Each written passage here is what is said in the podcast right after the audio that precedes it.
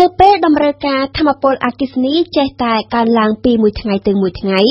រដ្ឋាភិបាលកម្ពុជា បានបន្តបង្កើនលទ្ធភាពរបស់ខ្លួនក្នុងការផលិតធម្មពលជាបន្តបន្ទាប់នៅក្នុងគោលដៅធ្វើយ៉ាងណាឲ្យកម្ពុជា មានឯករាជ្យភាពខាងធម្មពល ហើយឈប់ពឹងផ្អែកលើការនាំចូលធម្មពលអគ្គិសនីពីប្រទេសក្បែរខាងទៀត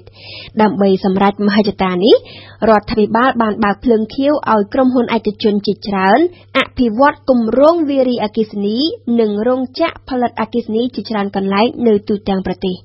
ចុងក្រោយនេះគម្រោងរោងចក្រអគ្គិសនីដើរដោយធ្យូងថ្មចំនួន2កន្លែងត្រូវបានរដ្ឋាភិបាលអនុញ្ញាតឲ្យសាងសង់នៅក្នុងខេត្តឧត្តរមានជ័យនិងខេត្តកោះកុងគម្រោងនៅខេត្តឧត្តរមានជ័យដែលគ្រោងដាក់ឲ្យដំណើរការនៅចុងឆ្នាំ2021 បោះទុនវិនិយោគដោយក្រុមហ៊ុនចិន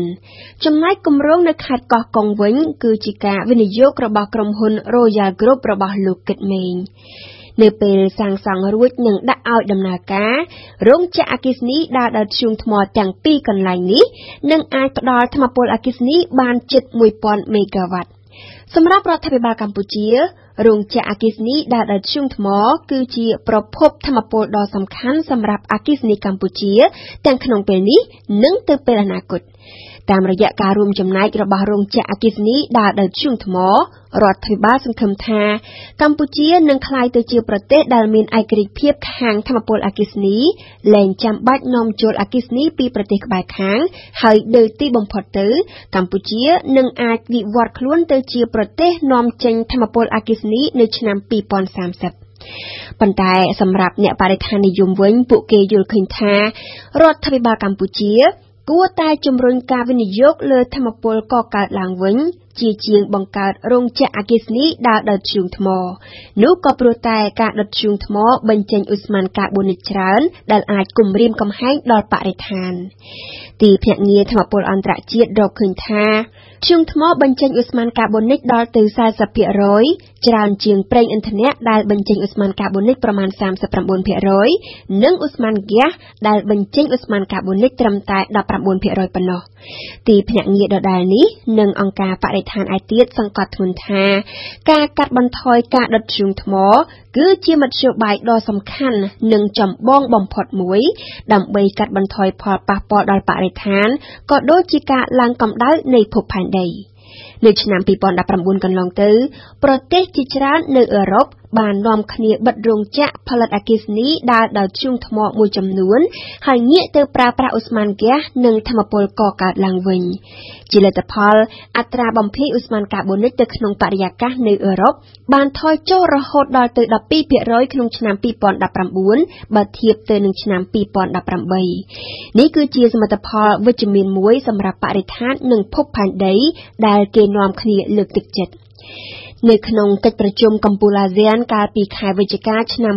2019កន្លងទៅនេះអគ្គលេខាធិការអង្គការសហប្រជាជាតិលោកអង់តូនីញ៉ូហ្គូតេសបានអំពាវនាវឲ្យបញ្ឈប់ការសាងសង់រោងចក្រអគ្គិសនីដើរដោយធ្យូងថ្មចាប់ពីឆ្នាំ2020នេះតទៅដើម្បីរួមចំណែកកាត់បន្ថយការឡើងកម្ដៅនៃភពផែនដីផងព្រមទាំងកាត់បន្ថយគ្រោះមហន្តរាយធម្មជាតិដែលចេះតែកើតឡើងកាន់តែញឹកញាប់និងមានលក្ខណៈកាន់តែកាចសាហាវខ្លាំងការអំពាវនាវរបស់លោក Guterres ធ្វើឡើងជាពិសេសទៅដល់ប្រទេសនៅតំបន់អាស៊ីព្រោះប្រទេសនៅអាស៊ីបន្តប្រើប្រាស់ធ្យូងថ្មសម្រាប់ការអភិវឌ្ឍសេដ្ឋកិច្ចដោយសារតែវាសម្បូរនិងមានតម្លៃថោកគ្រាន់តែប្រទេសចិនតែឯងប្រើប្រាស់ធ្យូងថ្មអស់ច្រើនជាងប្រទេសទាំងអស់លើលោកទៅទៀតនៅឥណ្ឌាវិញនិន្នាការប្រើប្រាស់ធ្យូងថ្មត្រូវគេព្យាករណ៍ថានឹងកើនឡើងផងដែរចាប់ពីពេលនេះរហូតដល់ឆ្នាំ2024ងាកមកកម្ពុជាវិញ ក្នុងនាមជាប្រទេសតូច អ្នកខ្លះយល់ឃើញថាកម្ពុជាគ្មានភាពចាំបាច់អ្វីទៅកាត់បន្ថយការប្រើប្រាស់ធ្យូងថ្មឡើយនឹងថាប្រសិនបើកម្ពុជាកាត់បន្ថយការប្រើប្រាស់ធ្យូងថ្មមែននោះវាក៏ទំនងជាមិនអាចរួមចំណែកអ្វីធំដុំដែរដល់វិស័យបរិស្ថានជាការពិតហើយថា ការកាត់បន្ថយការប្រើប្រាស់ធ្យូងថ្មពីកម្ពុជា អាចជាការរួមចំណែកដ៏តិចតួចទៅដល់បរិស្ថាន ប៉ុន្តែនៅក្នុងនាមកម្ពុជាជាប្រទេសហត្ថលេខីនៃកិច្ចព្រមព្រៀងទីក្រុងប៉ារីសស្តីពីការប្រែប្រួលអាកាសធាតុការកាត់បន្ថយការប្រើប្រាស់ធ្យូងថ្ម គឺជាការចាំបាច់មួយដើម្បីបង្ហាញពីការបដិញ្ញាចិត្តរបស់កម្ពុជា នៅក្នុងការប្រយុទ្ធប្រឆាំងនឹងការប្រែប្រួលអាកាសធាតុសូមកុំភ្លេចថាការប្រែប្រួលអាកាសធាតុនិងការឡើងកម្ដៅនៃភពផែនដី គឺជាបញ្ហារបស់ប្រទេសទាំងអស់នៅទូទាំងពិភពលោករួមទាំងកម្ពុជាដែរហើយវាមិនមែនជាបញ្ហាផ្ដាច់មុខតែឯងរបស់ប្រទេសធំៗឡើយ។